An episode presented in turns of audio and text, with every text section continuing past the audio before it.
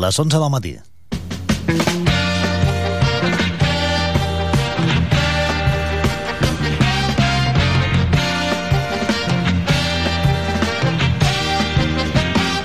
Cada dia a les 11, Mercat d'Estiu, a Tarragona Ràdio.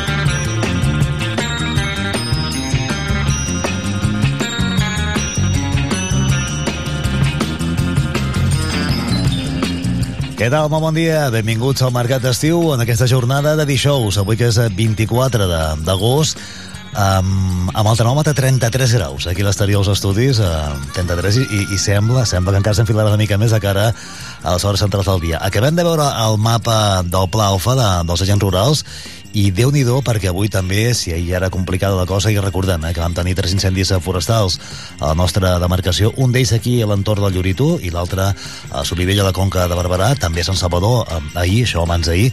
Um, seguim amb situació de, de màxima alerta, eh, amb, màxima alerta, per tant, molta precaució si és que aneu al medi natural. Avui, de fet, eh, ja ens acostarem al medi natural, el portarem cap aquí cap als estudis, eh, perquè parlarem d'un dels espais sensibles del nostre terme municipal, ens centrarem a parlar del bosc de la Marquesa. Ja s'ha fet un estudi d'aquest espai natural protegit, eh, ja sabeu que és un espai PEIN, doncs els actuals eh, gestors de la Fundació Bosc de la Marquesa van encarregar un estudi que avui analitzarem. Avui en parlarem de què és el que es recomana en aquest estudi, de què s'hi ha de fer o què s'hi pot fer o què no s'hi pot fer doncs, en aquest espai del bosc de la Marquesa. En parlem. I també anirem cap al mercat. Mercat d'estiu, doncs bé, anirem al mercat i anirem amb el nostre company Gio González perquè des d'avui ja sabeu que podeu adquirir tot el marxandatge de, de Santa Tecla Uh, ahir es presentava doncs, uh, la imatge d'enguany de, de, del dissenyador doncs, uh, que ahir, ahir doncs, justament també podíem conversar amb ell des, de, des, de l'estant de, la, de les, des del futur estant de les festes al vestíbul del, del Teatre de Tarragona parlem del Pepe Serra amb aquests tres ulls eh, i aquesta figura amb el castell de foc darrere doncs eh, avui el marxandatge està disponible i el nostre company el Gio González ha anat al mercat i d'aquí nostre també connectarem amb ell i us explicarem què s'hi cou per allà pel, pel mercat més coses que passaran avui, doncs mireu, eh, parlarem també de, en aquesta jornada de les festes, eh, festes majors.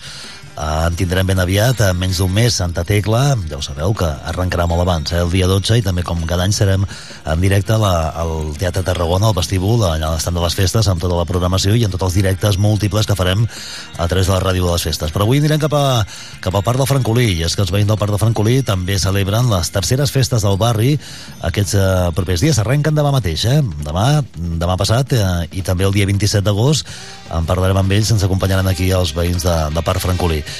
I també tindrem temps al mercat d'estiu eh, per buscar, cercar la medalla del setge perduda.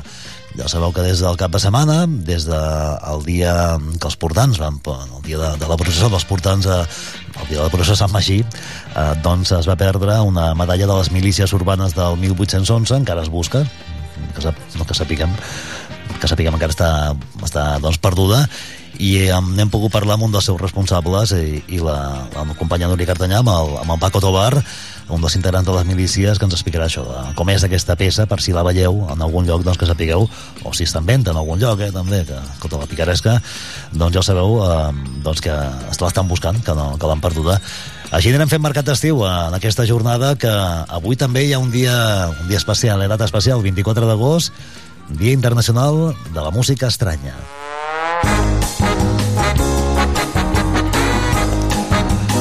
La música que avui la punxa Joan Maria Bertran al control tècnic, també veig per aquí el Lluís a, a la rereguarda, i qui us parla, Josep Sunyer, en tot l'equip que fa possible el programa, la Núria Cartanyà, els que tenim també de vacances, doncs, que anirem incorporant, el Miquel González i la resta de, de companys. I avui que és aquest Dia Internacional de la Música Estranya, per tant, els que us agradi aquesta música, avui esteu d'enhorabona. I, de fet, es celebra no només aquí, tot el món, eh? De fet, aquí no es celebra, que jo sàpiga, no hi ha cap acte, eh? per tot el món, sí, amb diverses activitats eh, molt variades, la gent que toca, la que la toca i que la que la toca, i, o la que escolta música estranya, doncs, eh, produïda amb tota mena d'instruments eh, musicals o no. Per tant, ara també podríem fer nosaltres música estranya. Agafeu qualsevol cosa que tingueu a la mà, piqueu una miqueta amb una mica de ritme i estareu fent música estranya. L'objectiu, però, és eh, obrir-se a noves experiències sonores i també per això eh, gairebé tot s'hi val. L'origen d'aquest dia de la música estranya ve de l'any 1997 i el culpable és un músic i compositor de Nova York, nova yorkès, Patrick Grant, que volia ampliar espectres musicals eh, del públic eh, en general i per això eh, l'objectiu principal era aconseguir que les persones escoltessin i toquessin tipus de música que mai abans havien estat tocades i mai abans havien estat escoltades.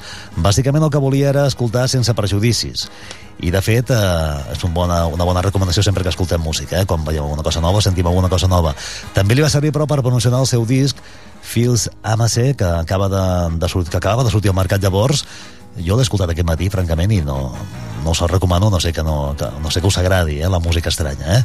perquè és aquests uh, discos estridents d'aquells que entren al cervell. Ell va, va triar aquest dia, el 24 d'agost, perquè era, mira, l'aniversari del pare de la, seva, de la seva dona, la seva xicota, que per ell eh, va ser una persona especial i una mena de mentor, una mena de mentor artístic. Jo també m'entenc molt bé amb el sogre, però que vosaltres també i així que tampoc no, no li va anar, anar del tot malament a l'efemèride per tal de promocionar doncs, això, el disc i també aquest dia internacional. En principi el nom de la celebració era Dia de la Música Estranya, encara que amb el temps el moviment va anar creixent pel món i li va fer així, com de, no pot ser d'altra manera, internacional. Llavors té més, eh, més amplada i més ressò. I actualment aquest Strange Music Day té un segell discogràfic propi, es fan concerts en nom d'aquest segell, es fan també servir com a, com a escola per incentivar les ments dels joves artistes i cada any també s'organitzen activitats. Un dels més sonats va ser l'any passat, no l'altre, el 2021, quan aquest creador del dia, el Patrick Grant, va convocar els músics de Nova York que, que volguessin participar en una vetllada d'actuacions eh, per aquest Dia Internacional de la Música Estranya. I què podeu fer en un dia com el d'avui? Doncs mireu, molt fàcil. Busqueu a internet artistes i compositors d'aquest tipus de música i escolteu-la. Ja veureu com, com a segur que us sorprendran, eh? perquè de fet ja de ben estranya. I si us agrada tocar, doncs experimenteu amb nous sons, eh, utilitzant tècniques i objectes que, que mai haguéssiu imaginat eh, que servirien per tocar. Inventeu, en definitiva, en definitiva divertir-vos, que d'això es tracta, i per tant, feliç dia de la música i feliç dia de la música estranya, com aquesta.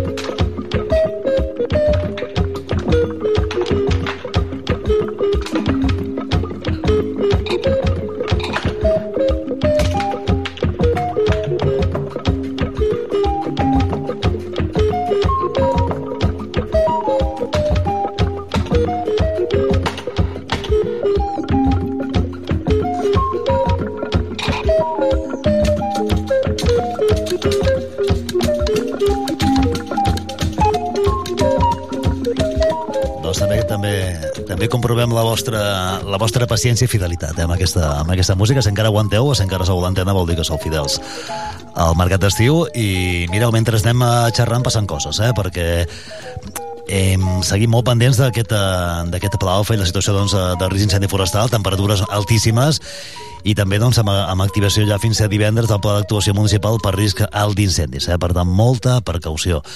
Avui que aquest matí, per cert, hem conegut un nom eh, que s'incorpora també al, relat eh, informatiu de la jornada i ho ampliaran a les companyes d'informatius a, a l'informatiu central del dia, el de Manuel Vázquez, que és el nou cap de la, de la Guàrdia Urbana a Tarragona. Eh? S'acaba d'anunciar fa poca estona ja, doncs això, ja incorporem doncs, també aquest uh, nom al relat informatiu, un intendent que arriba al càrrec amb 53 anys, uh, amb 31 anys de servei al cos policial. Són algunes de les notícies que podeu també consultar a la nostra pàgina web. De seguida el que farem és marxar cap, a, cap al mercat eh, central, allà hi tenim, com dèiem, el Gio González, però també, com sempre, molt pendents de, de l'actualitat, encara que estiguem fent mercat d'estiu, doncs això, si passen coses, les explicarem. Ara ja amb Lluís Comas al control tècnic, seguim escoltant música estranyada, a veure si aguanteu.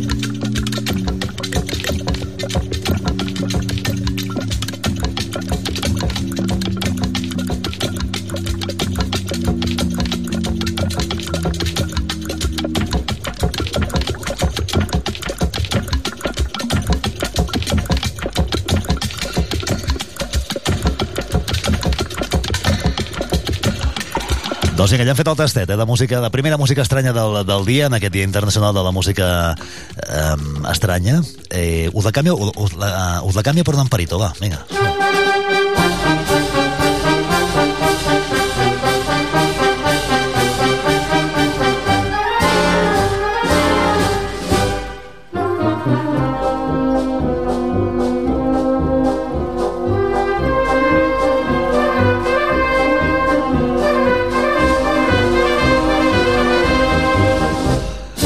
És que ja comença a fer una mica d'olor de Santa Tecla, eh? Deixem enrere Sant Magí, ja comencem a notar i, a, i de fet a, a conèixer la, la singularitat de la festa d'enguany. Ahir parlàvem amb l'Oriol Grau, recordareu, doncs si no podeu recuperar l'entrevista a la nostra pàgina web, Oriol Grau, que serà el pregoner d'enguany de, de Santa Tecla, vam anar a buscar el local de, de la plaça de Dames i Vells, eh, allà al local, perquè estan preparant Dames i Vells, que ja ens va dir que enguany també serà com cada any, eh? espaterrant, i amb alguna singularitat doncs, eh, i novetat especial, que també podeu consultar la, a l'entrevista entrevista Eh, però ara el que volem fer és marxar cap al, cap al Mercat Central. Ahir es presentava el, la imatge d'enguany de Santa Tecla, que hem anat veient també a través de les xarxes, que hi ha una mica de, de divisió entre qui li agrada molt, qui diu que és la millor que s'ha fet fins ara, i qui no li agrada tant, però per això ho sabem, com sempre, per, per gustos els, els colors. I hem, hem anat fins al Mercat Central i hem enviat el company Gio González eh, perquè des d'avui al Mercat Central uh, i afanyeu-vos perquè generalment sempre s'acaben, s'acaben sobretot les samarretes avui al Mercat Central doncs, uh, ja està disponible a la parada habitual doncs, uh, el marxandatge de, de Santa Tecla cap allà hi hem enviat el Gio per conèixer doncs, això, com està la situació i per parlar doncs, això, amb gent que n'ha comprat i també amb els responsables de, de l'estant. Gio González, molt bon dia. Doncs molt bon dia des del Mercat Central. Estem al punt de venda del marxandatge de les festes de Santa Tecla, que avui mateix doncs, fa un parell d'horetes ha, obert portes i durant un parell de setmanes serà el punt de venda per adquirir els diferents productes de la festa, la samarreta, la pulsera, el mocador, entre altres productes que eh, estan disponibles doncs, aquí i ja veiem els primers tarragonins que ja s'han afanyat a comprar alguns dels productes, parlarem ara amb algun d'ells, però primer de tot saludem a la Marta Canyelles. Molt bon dia, Marta. Hola, bon dia primer dia d'estant de les festes eh, esteu aquí a la Fundació Topromi eh, ajudant per eh, vendre els productes com està sent aquesta primera hora? Doncs com, com els últims anys eh, només és pujar la persiana i, i, i hi ha cues, tothom expectant, tothom mirant el, el nou disseny d'aquesta nova sabarreta, supercontents i a més a més aquest any hi han molts productes nous, no? des de làmpades, des de jocs i la gent superinteressada i molt curiosa. Un any més eh, la Fundació Topromi col·labora en aquesta, en, en, aqu en aquesta venda de productes, oi? Sí, sí, sí, sí, sí. És el quart any que estem aquí, al peu del canó, i, i, i, i gaudint d'aquesta oportunitat. Què, què tenim?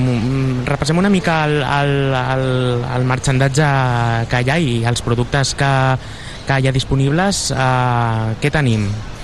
Aquest any tenim, a part de la samarreta de les festes, tenim quatre tipus més de samarretes, la del drac, la, la, la samarreta verda i groga i després un, un, una altra samarreta negra que totes mm, són ben diferents i un ventall molt, molt més ampli de samarretes I després, com a, com a novetat, tenim dos jocs, un de cartes i un, i, i un altre també, un joc de cartes d'aquestes rodones. Tenim làmpades, que són una, un, una mena de làmpades petitetes amb, amb, amb totes les imatges de, del seguici.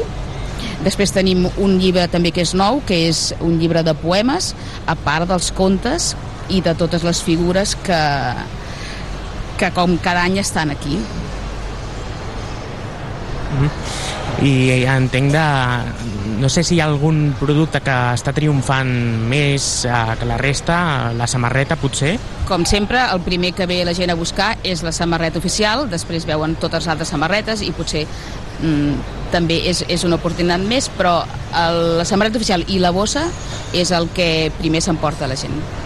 Samarretes de totes les talles, oi? Sí, sí, sí, sí, sí. òbviament n'hi ha de moltíssimes talles, no sé, ara les hauríem d'anar comptant, però aquí mateix a la parada es veuen perquè estan totes posades i és molt fàcil d'identificar.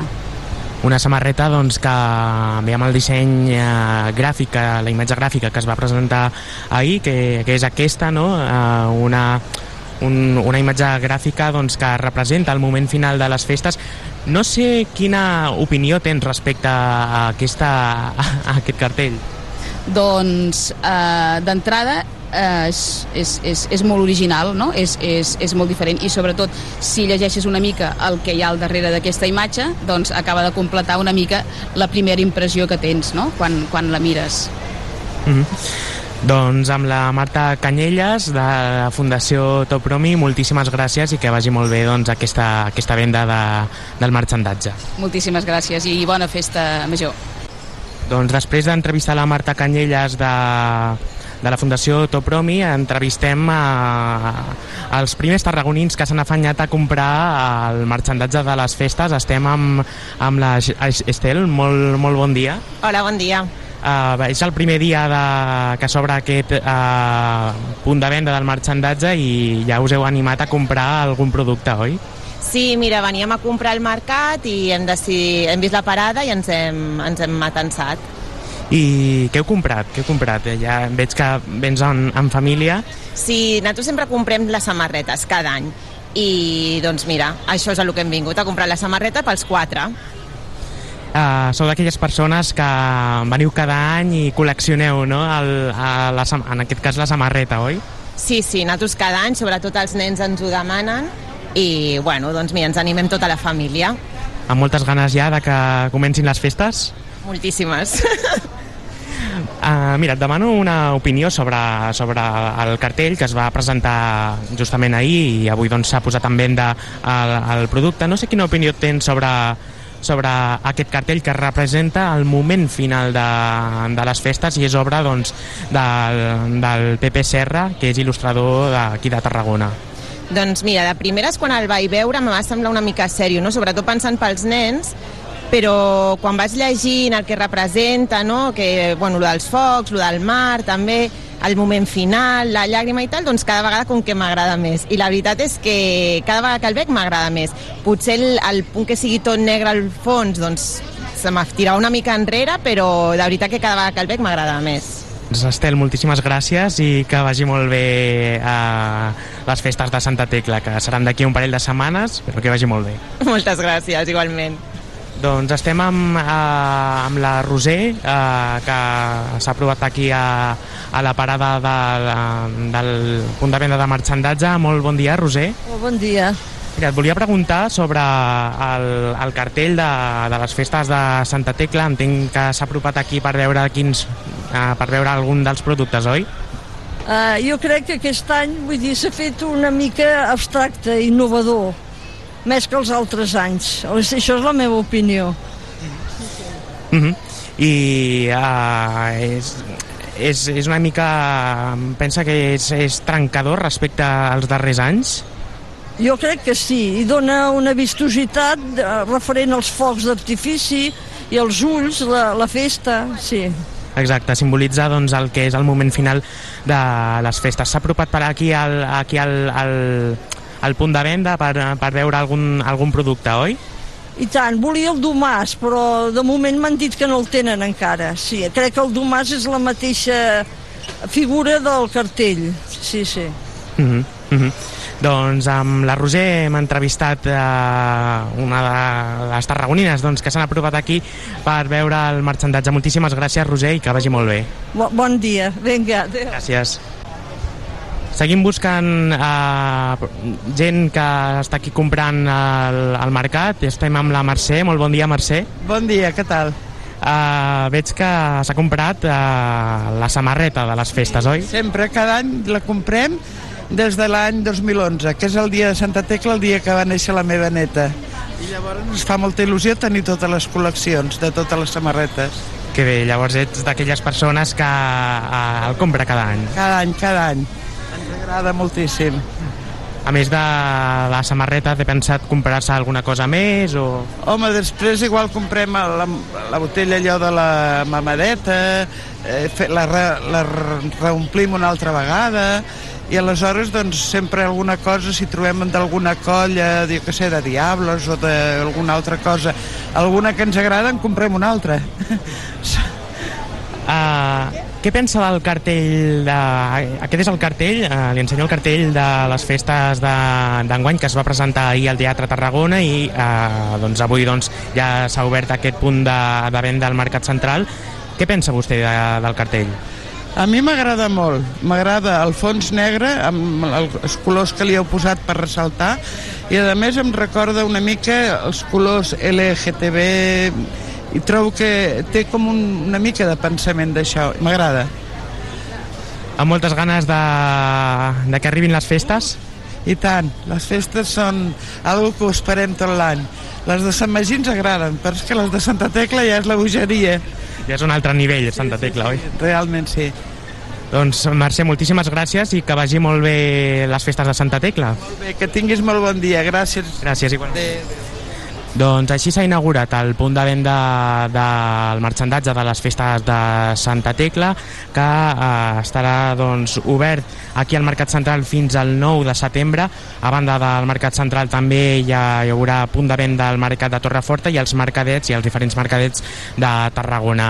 Hi ha samarretes de totes les talles, la samarreta de, oficial de, amb la imatge gràfica de les festes de- d'enguany, a més d'altres productes doncs, com el mocador, eh, la motxilla de les festes i altres samarretes doncs, que compten amb imatges del seguici, també hi ha eh, figures de goma dels diferents elements festius i per tant doncs, fins al 9 de setembre aquí al Mercat Central eh, qualsevol persona pot adquirir eh, algun dels productes del marxandatge de les festes de Santa Tecla 2023.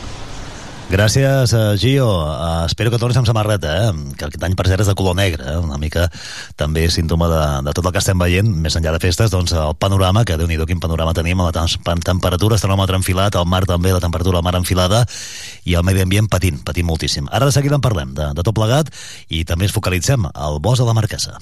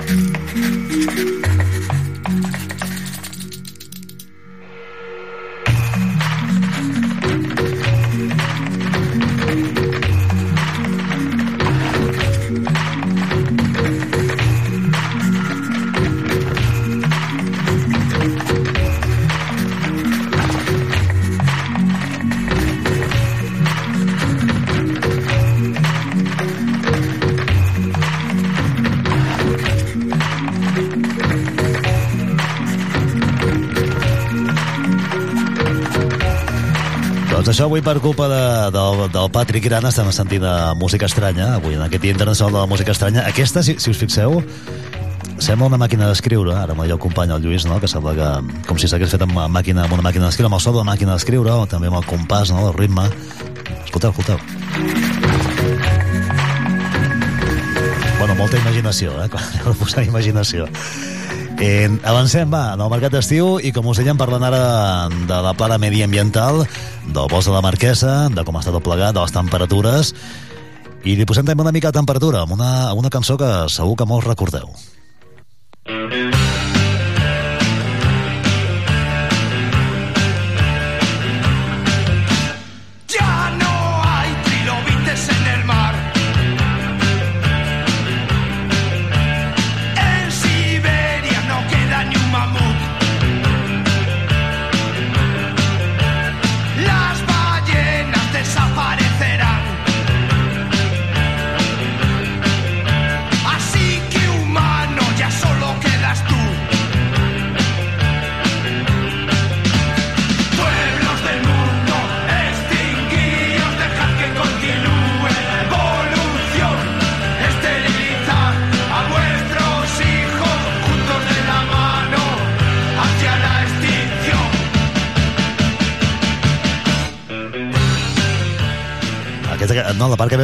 Veus molt bona, és que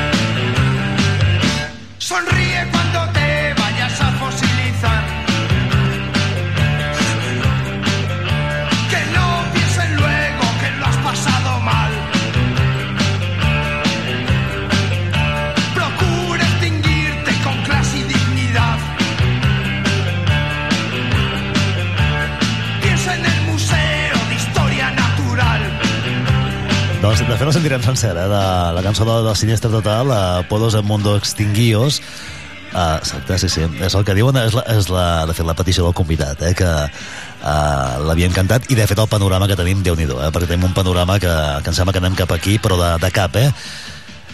Eh, Edu Soler, què tal? Bon dia. Bon dia. Bon dia. Tria bon teva, dia eh? i xafogós dia. xafogós. 33. Torrit tropical dia. 33 fora, però... I el mar deu estar 31, eh? perquè o alme- alme- almenys el màxim històric, si no recordo malament l'any passat, que va ser a València, el mar al litoral de València eren 31 graus, que era per sobre, evidentment, de la, de la mitjana, i això doncs, està, bueno, està, està provocant tot un seguit de, de situacions que són complicades. Clar, Eh? quan parlem de temperatura del mar eh, no és el mateix la part, els, el primer metre superficial que, que, que altres, no? Llavors hauríem de veure les dades precisament on estan. Però sí, eh, ara estava mirant a Twitter un, un estudi que deia que, que estem 2,6... La temperatura mitjana mundial de l'aigua de mar, que això es fa en base a un, una sèrie de sensors que porten molt de temps instal·lats, està 5,6 graus per damunt de la mitjana del segle XX. Llavors això és una animalada. Eh, per tant, el, el, els pronòstics dels pessimistes no, se compleixen. eh, bueno, els científics estan, els científics que treballen en aquestes qüestions estan molt espantats perquè, perquè s'han superat els pronòstics dels més pessimistes ja. Llavors, eh, cap on anem és un món incert, no? que, que com diu el secretari general de la ONU, és l'era de l'ebullició, no? Hi ha altra gent, que entre els quals m'incloc, que l'anomenen... Eh, S'estava parlant de l'antropocè, no? la, la era en la qual l'home influeix sobre la Terra, jo diria que estem en una subfase que és l'idiocè, que és l'era dels idiotes, i, i altres diuen que és el pirocè, que és la, la era dels grans focs, no? Com si estiguessin els dragons de Daenerys Targaryen per ahir descarregant flamerades, però és, és realment estem en una situació complexa perquè, perquè la temperatura global del planeta és molt alta i el problema no és que sigui molt alta avui, sinó que és molt difícil refredar-la. Ja. Mm. Llavors la tendència és cap a l'escalfament i no cap a l'estabilització i el refredament. Per tant, el que ens ve per davant, doncs ja, ja ens ho trobarem. Ja ens ho trobarem.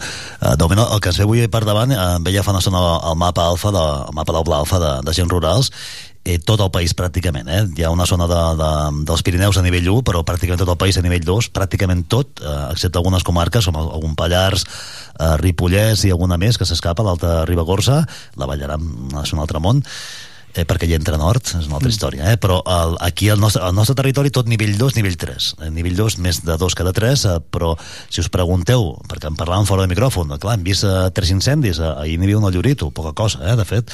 Eh, a Solivella també un altre incendi, que ja estan, estan ja pràcticament controlats i extingits.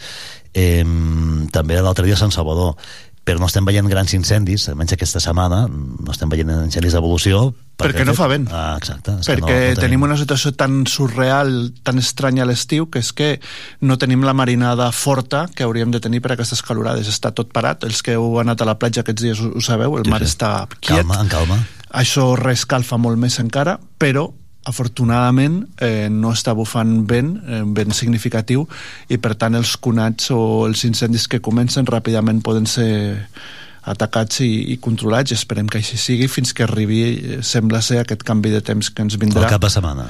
Que, bueno, tothom preparat perquè si bé no està anunciat una cosa extraordinària, amb les temperatures que tenim eh, és possible que en algun lloc o alguna de les tempestes que es formin sigui molt forta. No? Mm, que és el Tipus eh, Santa Tecla de l'any de passat. l'any passat, que déu va, va, va fer estralls.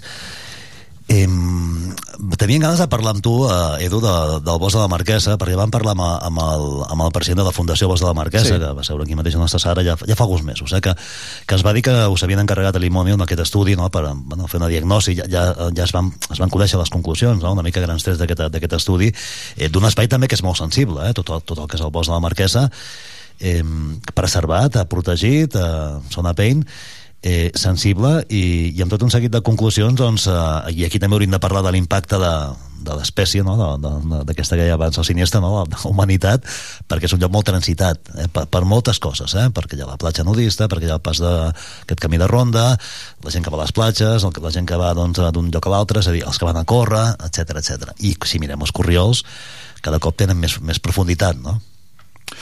Sí, eh, clar, el que nosaltres vam fer... le- Aquest espai va ser prou estudiat a finals del segle passat, quan, quan es va despertar l'interès ciutadà per, per, per l'indret, no? finals dels 80, anys 90. Recordeu-vos que l'entitat de Pana va, va tenir encarregat un projecte LIFE amb suport del, de la Generalitat de Catalunya i el Ministeri. Puri Canals. Sí, Puricanals, exactament, va dirigir aquest projecte i es van fer molts treballs i molts estudis.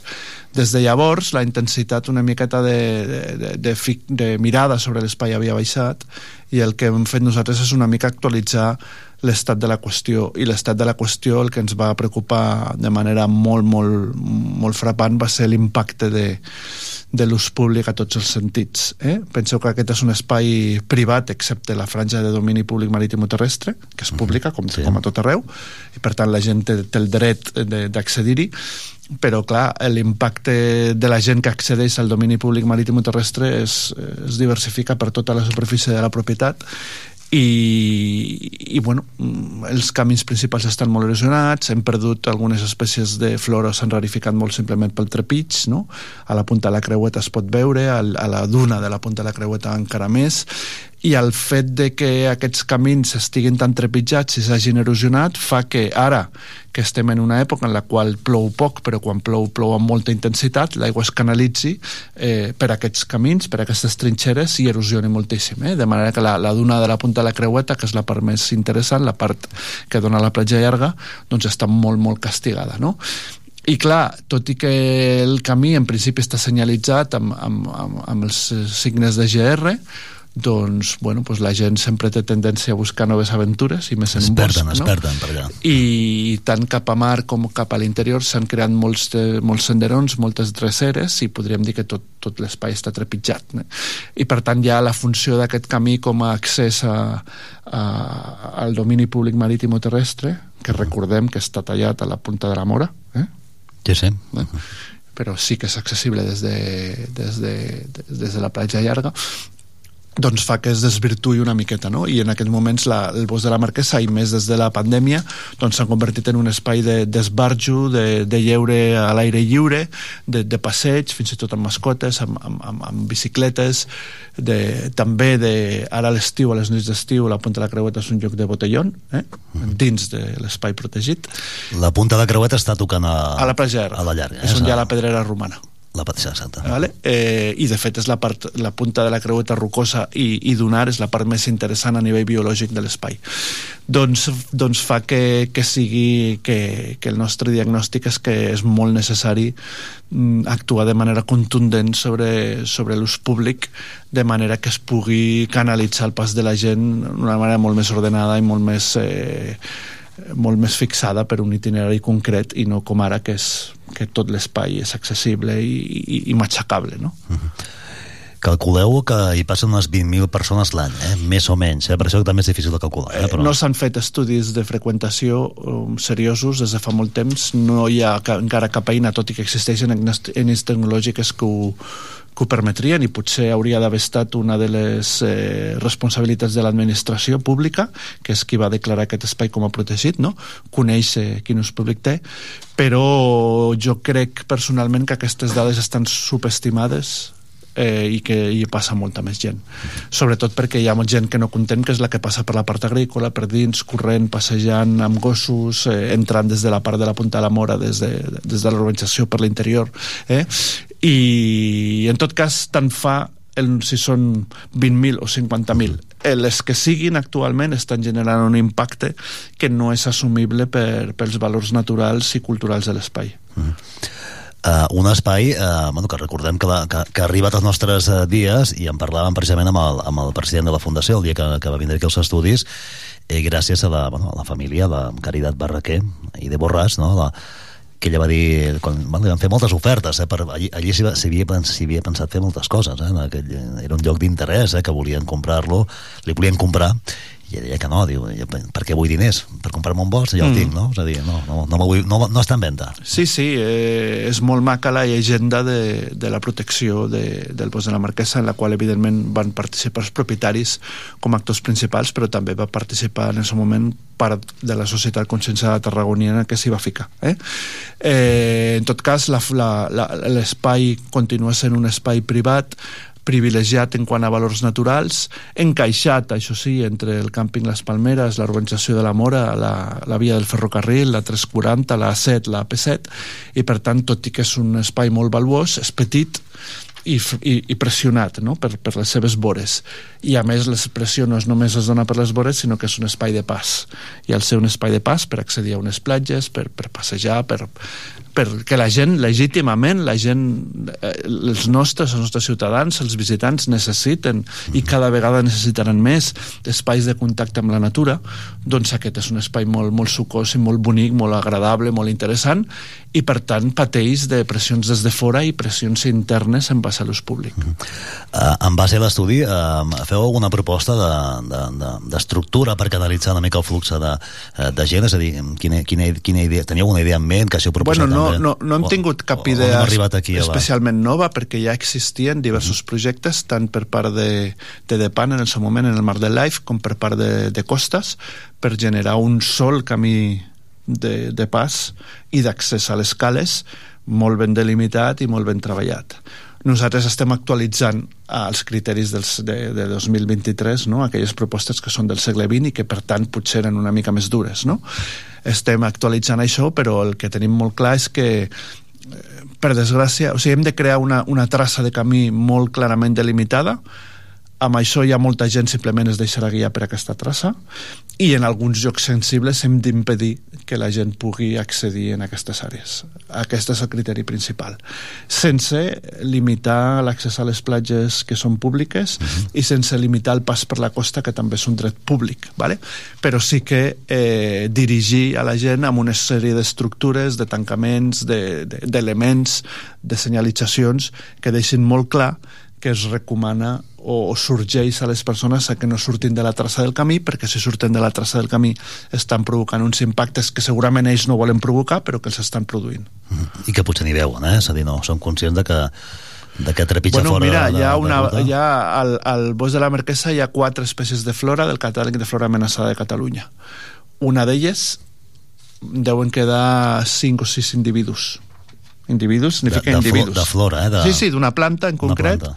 Deuen quedar 5 o 6 individus perquè precisament la major part estaven en una zona que la canalització de les aigües d'escolament a través del camí erosionat de la duna a la Punta Creueta els va canalitzar cap a la zona on estaven i, i simplement pues, les tormentes els han eliminat han eliminat la duna en aquella zona i per tant tenim el risc immediat de desaparició d'una espècie d'aquest espai que és una espècie rara a Catalunya, que l'única població bona està al cap de Salou, eh? a les zones, a zones també molt en tensió perquè encara estan pendents de, de desenvolupament. Vale?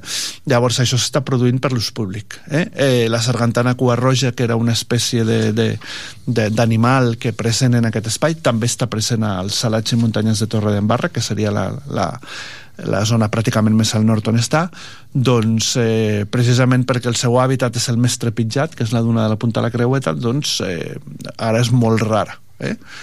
Molt rara. Eh, i, I a part el, el trepig està afectant a, a elements del patrimoni arqueològic, com és la, la, la pedrera de la Punta de la Creueta, uh -huh. però també elements del patrimoni paleontològic. El, el bosc de la Marquesa té uns jaciments fossilífers molt... uns afloraments, no diríem jaciments, afloraments sí, sí. fossilífers molt interessants que tenen des d'invertebrats fins a cetacis, eh? Clar, no, no anirem a senyalitzar cadascun d'ells perquè si no podríem favorir l'espoli però en aquests moments la gent accedeix lliurement en llocs i trepitja llocs on hi ha fòssils de balenes, on hi ha fòssils de foques on hi ha fòssils de rèptils marins i evidentment fòssils de tota mena de criatures eh, marines de, de temps antics no? Hi ha també el port, el port um, romà que va documentar l'ICAT, sí, no? la zona de, de Calafonda, sí, sí, la Roca Plana. Roca Plana. Afortunadament la Roca Plana... I, i el traçat que feien fins al Mèdol, no? Sí. que en teoria està per descobrir. Eh? Sí, eh, la Roca Plana afortunadament és poc accessible, és, té un accés sí. dificultós, però precisament quan l'accés és dificultós i la gent vol accedir, genera molta més erosió. Eh? Com l'accés a la Calafonda, que actualment és un desgavell. Vale? I jo no estic culpabilitzant a ningú perquè la gent té el dret d'accedir a la calafonda i tenim l'obligació, entenc, com a societat i com a administracions, de generar espais bonics, agradables, interessants, on la gent pugui estar en contacte amb la natura. Però, clar, quan no hi ha um, direcció, quan no hi ha control, quan no hi ha... Bueno, quan no hi ha el que hi ha, hauria d'hagut d'haver, i en aquest, pas no, pas, no, en aquest cas no per part de la propietat, sinó per part de l'administració, que és qui teòricament gestiona aquest espai natural, doncs eh, aquesta, aquest desig de la gent acaba convertint-se en un problema. Mm. Penseu que parlem eh, del bosc de la Marquesa, estem parlant amb, amb l'Edu Soler de, de l'Imònium, eh, espai natural protegit, eh, tot aquest conjunt, eh? Punta Tamarit, Punta de Mora, també espai natural protegit, bosc de la Marquesa, inclosa la xarxa Natura 2000, europea, sí. i, i zona especial conservació, Costa tot Aragonès també. Correcte. Per tant, és a dir, té un munt de figures té... de protecció, té un munt d'espècies i valors a protegits, però té una... com passa a tot el país, eh? eh? excepte aquells espais que han estat declarats parcs naturals i que tenen un òrgan de gestió propi i, una, i un pressupost assignat, la resta d'espais que no tenen un, un òrgan de gestió concret i, i jo no estic culpabilitzant ara que en cap dels funcionaris que s'encarreguen d'aquest tema se senti atacat. És, és una qüestió del govern, eh? una qüestió del govern que o no vol o no pot o no té suficients recursos com per, per gestionar i per tant molts espais estan a lliure evolució per lo bo i per lo dolent. Eh? I en aquests moments, amb la que està caient, amb la crisi climàtica que tenim, amb la crisi de biodiversitat que tenim, no podem pensar en que la natura per si sola farà i ja s'organitzarà. I menys en una ciutat turística com és, com és Tarragona. No? Aquests espais litorals, precisament, són els més, els més fràgils. Mireu aneu un dia al cap de setmana, mireu quantes embarcacions estan fondejades davant de Calafonda uh -huh. I penseu si els fons marins d'aquella zona estan patint o no. I això, evidentment, no és una qüestió dels propietaris del bosc de la Marquesa, que ells sobre el domini públic no poden entrar. Eh? Eh, sí que poden entrar sobre la seva propietat i és el que ells estan intentant treballar a través de la Fundació Bosc de la Marquesa. Uh -huh.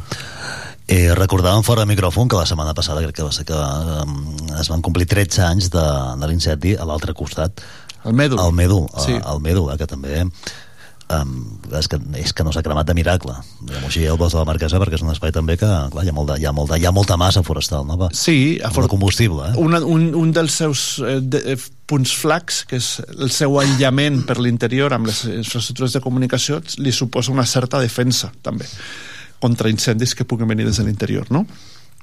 En tot cas és... Sí, hi ha vinya, hi ha tros, no? Hi ha, bueno, hi ha la via del tren i... Sí, hi ha, i hi ha camps de, de conreu, camp de conreu. Eh? camps de conreu, en aquest cas sobretot els camps de conreu de Garrofer, que són molt poc densos, suposen una barrera.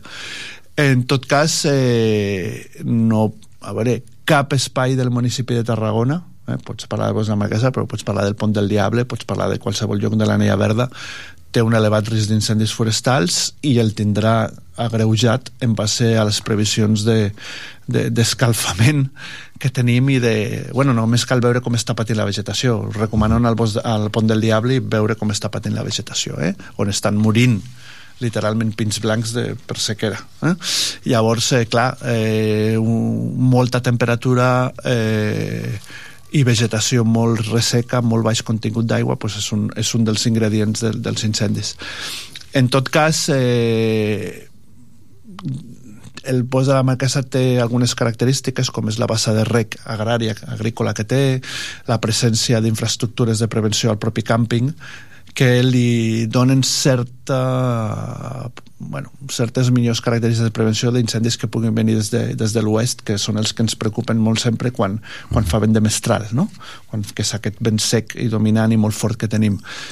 Però, clar, el, actualment hi ha usuaris del bosc de la Marquesa que, que es queden a dormir, que fan fogueres, que es porten eh, camping gas, perquè clar, és un lloc molt xulo, no?, per passar una Sí, nit sí. i per fer, per fer un, unes Està prohibit, no? Un espai Evidentment, prohibit. evidentment, està Cal dir- totalment cal dir- prohibit. Pràcticament moltes de les activitats que s'hi fan estan prohibides, però eh, bueno, algú ha de posar guarderia adequada per poder eh, orientar la gent i explicar-los què és el que es pot fer i no es pot fer. Em quedo amb, amb, amb la imatge que l'estic veient ara de, de la sargantana cua, cua roja que l'estic veient, que Sí. sí. és preciosa eh? una, un autèntic Sí, és com un, a, eh, una ventana no? molt bonica perquè el cos és, ja, ja té unes línies molt definides però la cua és molt vermella i és una sargantana que a, al sud de la península és molt més abundant però està lligat a espais semidesèrtics molt secs i per tant aquí que estem al nord puja per les dunes litorals eh? I ja també tenim algunes a, a l'interior, a zones seques de Lleida però al, al litoral arriba fins, pràcticament fins a Torredembarra i ja I si mirem cap amunt, cap als arbres, què hi veurem per allà? Quins, eh, quins ocells... Eh... Bueno, la, els arbres en si, la, la, les aus que hi ha als arbres no són diferents de les que podem tenir a altres espais forestals de, de, de, del municipi. Tenim aus interessants als penyassegats. Tenim eh, el, el, Ai, ara- Martin- Martinet? Ah, no, el falciot, el, el falciot pàl·lid, que és un falciot que nidifica penyassegats, que el tenim. A l'hivern tenim cors marins que descansen, de les dues espècies, cor marí gros, cor marí emplomallat. A l'hivern, quan està més tranquil, podem trobar fins i tot el blauet pescant al mar, cosa que és una escena bastant...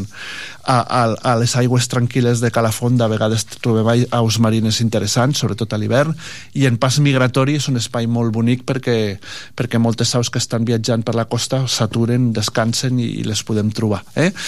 No és l'avifauna precisament els valors principals. Els principals són els botànics, eh, la flora, els líquens, els fongs, hi ha líquens molt estranys i molt interessants, els invertebrats, eh, pensa que com hi ha camps de garrofers molt extensius, trobem és un bon lloc per trobar i estem en una època de crisi d'insectes no? que, però allí tenim encara poblacions interessants d'alguns artròpodes de- d'aràcnids, d'insectes molt, molt interessants i com hem dit eh, la microfauna vertebrada, no? els rèptils eh, amfibis pocs perquè no hi ha punts d'aigua més enllà dels artificials i una cosa curiosa és que s'ha constatat que des del tancament de la, de la pandèmia alguns dels mamífers que havien desaparegut de l'espai per aïllament han tornat a entrar vale? tornem a tenir toixoneres tornem a tenir gat mesquer Toixoneres? sí. a veure, s'han quedat, han entrat i s'hi han quedat, ja veurem quant, quant de temps tornen a, ser, a, a, a, a estar-hi, a, a no ser que s'executin idees que hi ha molt interessants de fer passos de fauna per damunt de la via el ferrocarril i la 340 o idees també molt interessants que es convertia aquest tram de la 340 en un tram pràcticament sense circulació rodada eh? que seria una cosa magnífica que és que entre la rotonda de Tamarit i la rotonda de la Mora exceptuant els accessos necessaris a algunes propietats no tinguéssim accés rodat eh? Seria una bona mesura per al medi ambient, per la biodiversitat i, evidentment, en, la, en el context de crisi climàtica que tenim, molt interessant. Perquè és que ens hem de ficar al cap, i perdona que m'estengui, em talles quan vulguis, ens hem de ficar al cap que això dels cotxes a tot arreu i facilitar l'accés dels cotxes s'ha d'acabar ja. Eh, I ho sento molt, eh? Jo visc a fora, jo visc en una urbanització, jo m'hauré de fotre també. Però s'ha d'acabar ja. De fer el, el famós carril bici per la- per l'antiga 340, no? Que, I, i, i un sistema de transport públic molt més, Més- eh, més continu i més eficient, evidentment per això de que tothom pugui viure on li doni la gana accedir on li doni la gana a la ciutat Aquí, aquí la gent està acostumada a agafar el cotxe, anar fins a peu de platja, i si poguessin es posarien a la sorra. De, si, si bueno, ja, poguessin, sí, ja es fa, no? Ja, a la francès... platja llarga la gent es fica a la sorra, o no? Sí, sí, sí. Vale, doncs ja es fa. Sí, la, la cultura I això eh, ho sento molt tarragonins i tarragonines i ho sento molt alcaldes passats, presents i futurs, això s'ha d'acabar perquè la, la que ens ve per damunt no ens ho podrem permetre. Uh -huh. el que sí que ens podem permetre és acabar amb la cançó que no m'ha sentit sencera abans, de Siniestre Total, que es deia, com es deia, el, el, la cançó de Siniestro... El... Pueblos del mundo extinguidos. Ah, a mi em això. fa molta gràcia perquè és una cançó feta als anys 80, suposo que entre vapors de drogues i orujo gallec, però era com molt, molt, molt de premonició, no? No, sí, sí. Eh, mai, eh, abans era una risa punky, l'extinció de la gent, però ara ja hi ha gent que comença a parlar de l'extinció, no? Sí, com, sí. Una, com una possibilitat. Bueno, esperem que no, esperem que siguin capaços com a, com a éssers intel·ligents de trobar les maneres d'adaptar-nos a la situació que ens ve i de poder-la anar capgirant. Edu Soler, gràcies, que vagi molt bé, bon estiu. Gràcies a vosaltres.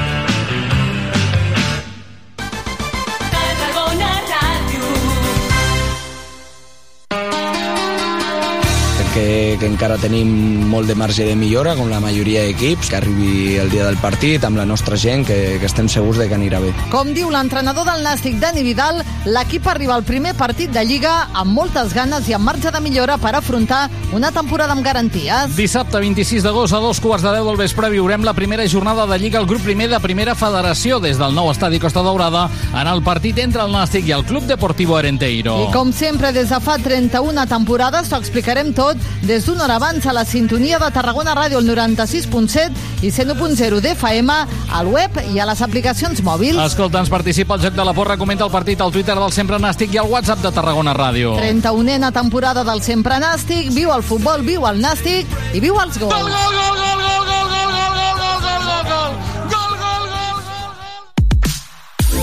Aquest estiu tenim un pla. Et proposem que ens acompanyis cada matí. A canvi, t'apropem el territori. Et descobrim artistes quilòmetre zero. I els millors projectes de proximitat. Compartim receptes. I secrets gastronòmics. Fem estiu amb els protagonistes de la jornada. Perseguim plegats l'actualitat I totes les tendències. Amb un ull posat a la platja. I també a la muntanya i a la piscina. Aquest estiu, obert per vacances. Obert per vacances. Cada matí, de 9 a 11, a la teva ràdio local.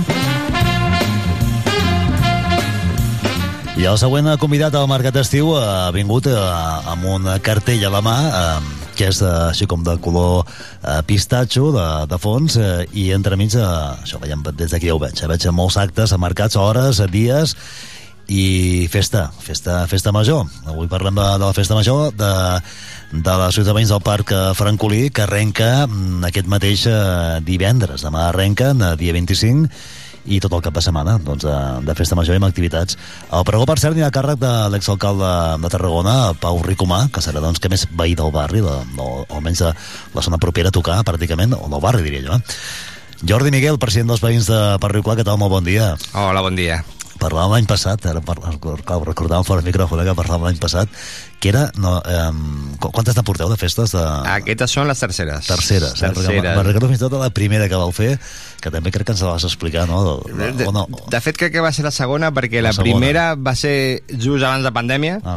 i l'any passat vam poder retomar una altra vegada les festes. Ens vam quedar amb la primera una mica allí en l'aire i ara ja, bueno, anem a agafar força. Com està el parc, per cert, com, com ho tenim? Perquè ara miro cap a fora, veig que estem de 3 graus de temperatura i allà menys hi ha alguna zona d'ombra, eh, que podem anar passejant una miqueta. Bueno, ombreta sí, ombreta, passa que l'aire calent que passa fa que, fa que costi estar. Però bé, bé, la veritat que és una zona que, que s'hi pot passejar, que s'hi poden fer moltes activitats i que, que, que bé, que, que es pot disfrutar i gaudir, tot i que faci molta calor encara.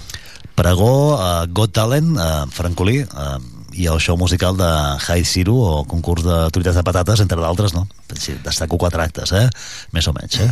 Sí, sí, sí, bé, bueno, hem intentat ampliar una miqueta, sempre dintre de les limitacions que evidentment comporta no, l'organitzar unes festes eh, doncs, a nivell econòmic. Som una associació relativament petita i nova i al final sempre has d'acabar tirant de, de, de recursos que tens de subvencions i alguna coseta que, que anem estalviant però encara així hem intentat fer bastants actes eh, variats i, i bueno, hem aconseguit fer tres dies de festes que bueno, eh, són un gran esforç tant econòmic com de, de, de feina. Només a la Junta som 4 o 5 persones que col·laborem normalment i organitzar tot això és, és complicat. Uh, és com tot, eh? Si no tira ningú del carro, això no, no, no, no, no, no eh? És a dir, que, Està clar. eh, que porteu dies maquinant, eh? I treballant, eh? Sí, sí, sí, bueno, sense anar més lluny, eh, el dissabte tenim el Jai Cirus, el Jai Ciru, que està contractat des de fa més de mig any, o sigui que això ja, ja fa dies que, que ho anem maquinant i que anem treballant i que anem tirant, tirant idees. Aquest any, a més, ha sigut complicat, perquè moltes idees a l'estiu, sobretot pels nens, és tema fàcil, aigua, festa d'espuma, inflables amb aigua i tal, i aquest any el problema de la sequia ens ha fet que tots els actes que teníem ja, inclús alguns reservats, els hem hagut de- canviar perquè, perquè bueno, a la situació actual feia, feia que, no, que no es poguessin fer aquests actes. Feia de mal fer, eh? De, Sí, de, sí, sí, amb aigua, no? Quan ha la sequera que... Correcte. Aneu una mica en la línia també de Sant Magí, doncs, que això, que es va canviar la, la remullada per la il·luminada, no? Correcte. I, i d'anar fent inventiva. Lo del Got Talent Francolí, que se li va córrer? Bueno, doncs al final és eh, canviar actes i hem de buscar una cosa i, bueno, doncs escolta, mira, al final és una, un event mm, que ens costa econòmicament barat i, bueno, doncs fem que, que tothom que vulgui vingui i, i ens demostri què sap fer, què, po què pot fer i, i, i, bueno, al final és passar una estona divertida els guanyadors tindran premi, evidentment, i hi ha uns quants inscrits, o sigui que, que al principi sabíem, no sabíem si la gent respondria o no, i aquestes coses les has de tirar una miqueta endavant amb la por de, ostres, i si no ve ningú? Si no ve ningú. Però bueno, sí, al final hem aconseguit que hi hagi uns quants, estic segur que, que dissabte a última hora algú vindrà, algú més i es presentarà, o sigui que, que ho podrem tirar endavant, passarem una estona divertida i al final qui guanyi tindrà un premi perquè se'n recordi que és el, el primer guanyador del Got Talent del Francolí. A, a les bases que hi ha, és a dir, que, que, que, quins talents cal tenir? Aquí s'hi val tot o no? Tot, s'hi val tot. Aquí la qüestió és demostrar i, i ensenyar què saps fer. I val tot. Música, cantar, ballar, eh, eh, arts marcials, eh, mm, domini de pilota, el que faci falta. No, no ficarem categories ni, ni res. Aquí la qüestió és que passem una estona divertida, que vinguin veïns, que, que ens agrupem, que estiguem junts i que ens ho passem bé. Si escolta, algú que sap tocar la trompeta amb el nas... Eh, Va, increïble, per- això serà perfecte, increïble. eh? Això té punts. Jo crec que té molts punts per guanyar, eh? Estem fent una crida ara, ja veuràs tu, eh? Escolta, No, no, No, es quedar l'escenari petit, eh? No, no, a veure, l'escenari més... Avui, avui al matí ens han muntat l'escenari, o sigui, ja ho tenim tot preparat, ja, ja tot tira endavant.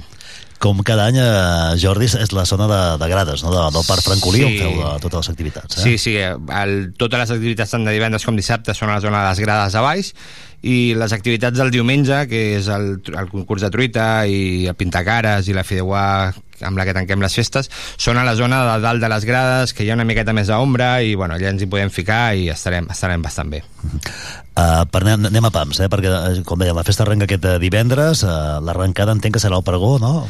Bueno, comencem, per temes d'horaris i tal, comencem amb, amb una festa infantil, perquè vinguin els nens, una miqueta d'animació, venen uns, uns ninots que vindran i animaran una miqueta la festa, una miqueta de música, minidisco, i en acabar eh, començarem amb el pregó.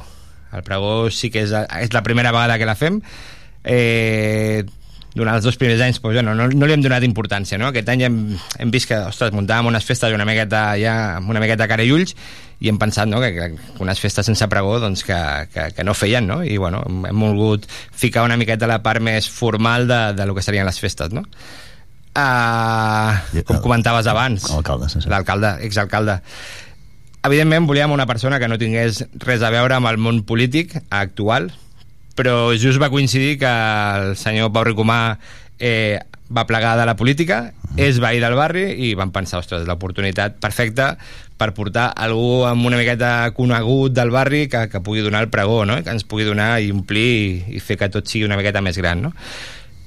I bueno, al final vam contactar amb ell, ell està encantat, està molt il·lusionat de, de poder fer el primer pregó de les festes i bueno, aquí, aquí estarem el divendres. Òbviament va dir que sí, eh? Sí, sí, sí, sí, evidentment. Encantat, molt il·lusionat i li feia molta il·lusió i bueno, les vegades que hem parlat, mentrestant estem en contacte i té moltes ganes i, i naltros també de que vingui. A quina hora serà el pregó? A les 8 i mitja. 8 i mitja. En acabar la festa de, dels nens farem un paron entre les activitats que tenim i llavors a les 8 i mitja aprofitarem i farem el, el pregó, aprofitant que doncs que a l'impàs d'activitats doncs que hi haurà una miqueta més de gent i ja no fa tanta calor, la gent s'anima a venir i aprofitarem. Al mateix espai, eh? Tota la, a, Sí, allà a la sí, grada, eh? sí, És a dir, sí, tot a la zona de grades i allà farem, tenim unes cadires per, per seure tranquil·lament i tothom que vulgui doncs, podrà venir i podrà seure.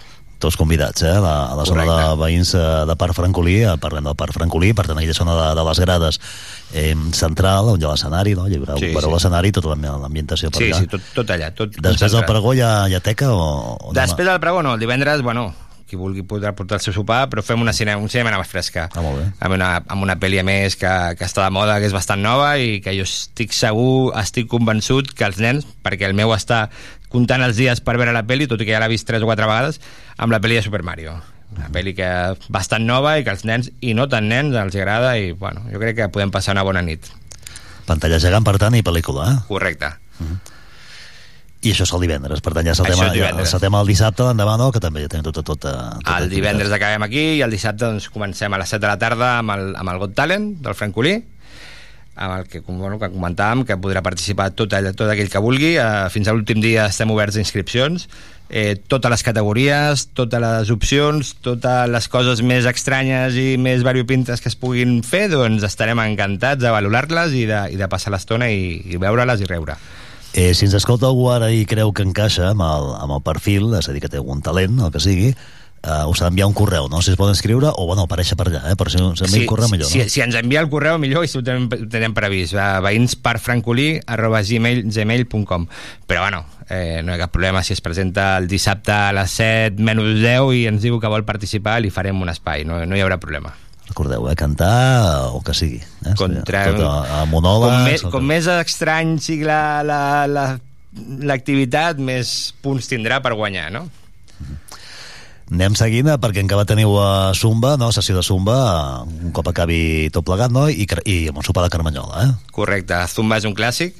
Eh, ja fa temps que, tant amb les festes que fem a l'estiu dels barris que organitza la, la Federació d'Associacions com naltros a les festes, és una activitat que des del primer dia vam ficar i la gent respon. La gent té ganes de fer esport i a l'aire lliure i passar-s'ho bé i sempre hi ha molta gent.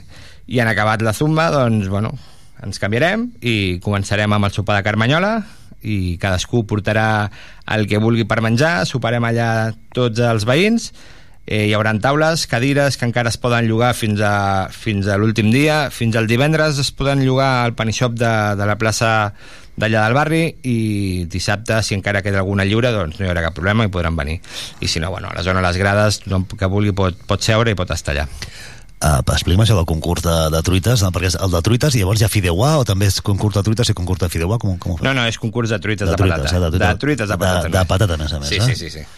Eh, bueno, eh, Tenim un jurat, clar, tenim un jurat. Tenim un jurat, tenim un jurat amb gent del barri, alguns una mica més coneguts, algun tuitaire una mica, una mica conegut del barri i, bueno, a tothom que vulgui, el mateix que el Got Talent ens pot enviar un correu o presentar-se el mateix diumenge amb la truita i es farà una cata el jurat farà una cata de les truites totalment anònim, sense trampa, sense cartró i la millor truita, doncs, la que el jurat determini que és la millor truita, doncs s'emportarà també algun regal. Eh, tots els regals que, que donarem, tant el divendres com el dissabte, perdó, el dissabte, el divendres no, el dissabte com el diumenge, són tot eh, coses que ens han donat els, els negocis del barri. Tot, bueno, tenim un, una sèrie de negocis que, que hi han participat, que ens estan donant molta col·laboració i bé, doncs, eh, els premis seran tots els, els objectes i mm, esmorzars, dinars, sopars que ens han donat. Home, hi ha, hi ha bon lloc eh, per, per fer de tot, eh? pràcticament Sí, per fer sí, sí. tapes, per esmorzar, Sí, sí, no? sí. per... Tenim varietat, per tenim varietat. Teniu, teniu varietat al barri. Uh, la, entenc que la truita cadascú se la fa a casa i la porta allà. Correcte, sí, sí. sí el, Feta per- per- el muntatge per fer allà és complicat de fer-ho allà, no, no, cadascú l'ha de portar feta de casa. Clar, la truita de patates és, és un món, eh? perquè hi ha, qui, hi ha qui bull la patata abans, hi ha qui no la bull. Sí, ja... sí, no, no, nosaltres pensàvem quan vam fer bueno, una truita patata, no? però ens ha enviat molta gent correus no? preguntant, però i les bases, i com ha de ser, i amb ceba o sense ceba? No, no, és lliure totalment, cadascú fa la seva truita de patata amb el toc que, que li vulgui donar, amb ceba, sense ceba, i al final serà el jurat el que determini no, no, hi, ha, no hi ha problema per fer-la com cadascú li vulgui donar el toc personal doncs mira, encantat Però l'ingredient principal, ceba. Ai, pa, Eh, patata. patata, eh? Patata i ou, sí. És a dir, si la fas de carbassó i patata i tal, no? És a dir, eh, no hi hauria problema, però hi ha d'haver patata sí. Patata, és a dir, sí, hi ha d'haver patata, eh? Truita de patata. Doncs si voleu participar al concurs, ja sabeu, feu la truita a casa, que us quedarà millor sempre, sempre, sí. amb les vostres eines, i la porteu allà, Correcte. la presenteu, Perfecte. el jurat la catarà i bueno, podeu guanyar també premis. I la fideuà serà popular, llavors. La fideuà és popular, sí. La fideuà per tothom, eh, tothom que en principi el dimarts era l'últim dia per comprar els tíquets, però bueno, sempre, sempre hi contem que hi ha algun despistat, que hi ha gent de vacances, que hi ha gent que no s'han acabat d'assabentar, i bueno, hem, comprat uns, hem fet uns tíquets a més per si de cas a l'últim moment, que es fiquin en contacte amb altres al mateix correu, el de veïnsperfrancolí.gmail i si no, doncs diumenge, si volen provar, que vinguin i si hi haurà alguna ració, doncs se'ls donarà i si no, doncs lamentem. La, la fareu allà, també la? Sí, ens la faran, ens la faran. Porta el, el Cabrera de Bonavista, ens porta tot el material i ens la farà allà. Crac, el Cabrera. Cabrera. Aquí, records. A més, sí, sí, a més, ja, ja, és, ja és, no és la primera vegada que col·laborem, que col·laborem, col·laborem amb ell amb, amb diverses coses i, bueno, de fet, la Fideuà de l'any passat també la va fer ell. Això és el sopar, entenc que és el sopar, eh? Després eh, hi ha espectacle, no? Això és el diumenge pel dematí. Això és el diumenge, migdia. el Fideuà diumenge matí. El dia abans dissabte has deixat l'espectacle. Ah, ens hem tu- deixat el, el Jay Ciro, el Jay Ciro, un crac. Un crac, a més, repeteix ell va venir a les primeres festes venia amb un, amb un company ara ve sol, eh, un crac. És un espectacle. Jo, jo a les primeres festes lamentablement treballava i no vaig poder assistir però els companys que, que van estar ens van dir que increïble, que molt bé i per això hem decidit repetir-hi. I a més, bueno, un paio que, que, que és molt professional que, que actua molt bé a més m'han comentat que ve de fora d'Espanya de gravar cançó i tal, o sigui que ben força, ben ganes i ens ha comentat que té moltes ganes també de, de tornar a participar a les festes del barri. És per tant un show, entenc, eh? No? sí, sí, sí, sí. És un tio que dona espectacle. L'estona que estiguem allà ens ho passarem molt bé. Eh, diumenge doncs tenim la, la Fideuà, però també tindreu eh, doncs, d'activitats per, la, per la canalla, Per no? la canalla, sí, pintar pintar cares, sí, sí, sí. Bueno, el que comentàvem abans, no? Ens ha fallat el tema de, de la sequera i l'aigua, però bueno, eh, donarem pintacares una miqueta de música pels nens perquè puguin jugar i passin una estona divertida, mentre els grans doncs fem el concurs de la truita i bueno, fem un vermut, no?, esperant la, la fideuà. Que és al migdia, per, per dinar. És, la Correcte, Fideuà, sí, recordem, sí. diumenge, aquest diumenge al Parc del Francolí, la Fideuà popular per, per tancar una mica ja la, la festa, no? Només eh, comentar-te que la gent vingui preparada. Dissabte, dissabte al mig de l'actuació del JAI hi ha bingo. L'any passat també vam fer, va ser un èxit total. A més, aquest any tenim uns premis increïbles, el que comentàvem, tot col·laboració de- d'entitats de, i negocis del barri. Aquest any hi ha uns premis espectaculars. O sigui, que la gent vingui preparada, que farem un bingo popular i, i contra més gent siguem, doncs mira, més riurem. Com molt, això, ja- l'ambient de bingo és molt... Home, molt és, guapo, eh? és, és, és divertit. Ha L'altre dia passat el competitivitat, van fer i, ostres, no, la gent no comprarà. No, no, èxit total. La gent, la gent vol jugar i a més és un preu popular, o sigui que no, no hi ha problema. Molt bé, Jordi, i l'ambient que està garantit, eh? Perquè suposo, clar, que qui més qui menys us coneixeu tots per allà, no? Més o menys, no? Perquè no ho veiem cada dia, no? Més o menys, més o menys. Eh? Sí, al final, tot i que el barri és gran i s'està fent encara més gran, sempre ens acabem movent molt els mateixos veïns, ens veiem, i bueno, cada vegada anem, anem veient més gent, més gent nova, i bueno, al final és, és tot una miqueta, es va fent més gran dia a dia, any, any a any, i nosaltres encantats. Sí que és cert que, bueno, des d'aquí doncs ara fem un ànim a veure si algú es vol animar a col·laborar en tot el que són les treballs de, de, de l'associació, perquè ja és el que comentàvem abans, a la Junta som 3-4 persones que ens hi dediquem una miqueta més a donant-li tota la, tot el temps que, que podem, però sí que és cert que és una feina que és dura, tot i que la gent no ho cregui, i, i sense la col·laboració del veïnat és complicat tirar-ho endavant. Així que si algú s'anima, es pot ficar en contacte amb nosaltres i, i estarem encantadíssims de que col·labori amb nosaltres. El, el que passa, que quan estàs organitzant eh, ja disfrutes, però no del tot, perquè estàs pendent de que tot vagi bé, no? Correcte, I que diuen correcte. fins al final, a veure si no arriba aquest, o falla Correcte, l'altre, sempre estàs amb... si marxa la llum, o Correcte. cau l'alternador, no? Clar. Sí, sí, al final és tot, tot has de tenir tot previst, tot a veure què, què tal. Bueno, eh, esperem que nosaltres ho tenim tot preparat i en tenim moltes ganes. A veure, només falta que, que la gent s'animi, que vingui i que tot surti molt bé i ens ho podem passar tot el barri molt bé. Doncs vinga, que, que sigui una bona festa major de, del Parc del Francolí. Eh, Jordi, gràcies per acompanyar-nos un any més. Eh, Jordi Miguel, la presidenta dels de veïns de, del Parc Francolí. Bona festa major i, i, bueno, i, a gaudir-ho també la mesura que Molt- vagi bé. Molt bé, moltes gràcies i gràcies per, per tota la difusió que hi feu també. Un Vinga, gràcies.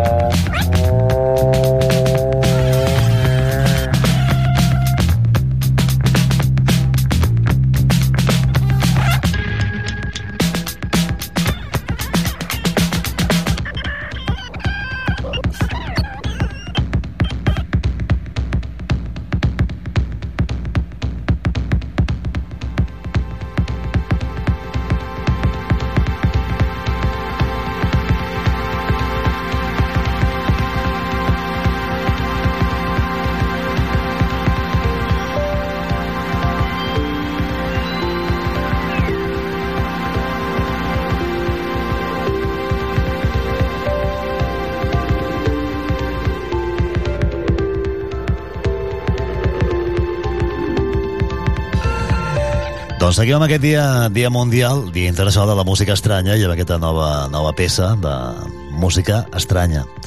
Estranya ho és, eh? déu nhi eh, Per cert, que s'acaben d'anunciar que s'han eh, prorrogat un dia més les mesures eh, especials eh, per l'elevat risc d'incendi. Per tant, vol dir que la situació no, no millora, continuem encara amb aquest efecte de donada de calor i també amb el risc d'incendi forestal. Abans fèiem referència al Pla Alfa, doncs eh, pràcticament tot el nostre territori a nivell eh, 2 o 3 de, Pla Alfa, per tant, alt risc d'incendi forestal, molta precaució si aneu al medi natural i que sapigueu doncs, que un dia més trobareu també doncs, eh, accessos als massissos eh, principals de, del territori, més coneguts, doncs, eh, restringits, eh, i el Pla Alfa nivell 3 en 70 municipis. Eh? Aquí, um, aquí al nostre territori, doncs, eh, pràcticament eh, cap a alguns punts de terra alta, també la Ribera d'Ebre, i la resta, doncs, pràcticament tots a nivell, a nivell 2. Molta, molta precaució perquè la situació és molt complicada i hem de, podem, almenys ara, doncs, evitar, evitar mals majors. Anem caminant cap a la recta final ja del programa de- d'avui, al mercat d'estiu. Després sentirem també un tothom amb Miguel González. Estem eh, també aquests dies eh, donant segones oportunitats amb els programes que hem anat fent al llarg de la temporada i també una fons a la recta final a la una amb el Joan Andreu Pérez.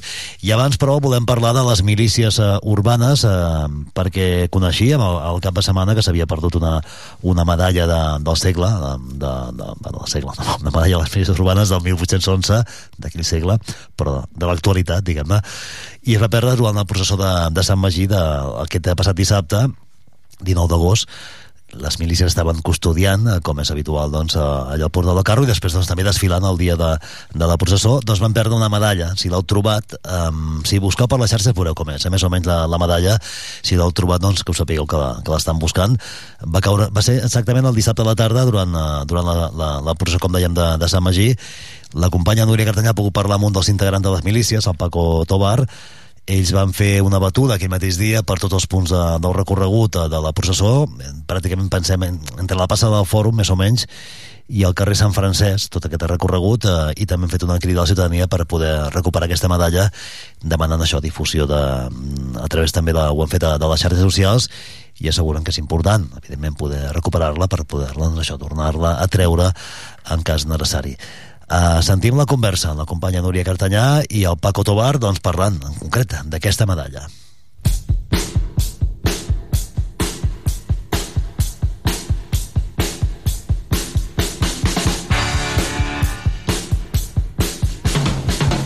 I la propera entrevista és allò que en ràdio en diem de radioservei. És eh, aquelles entrevistes que són més que pretenen més que difondre una informació, sinó que fan un servei a la ciutadania. Així ens ho hem plantejat, el tema és prou seriós.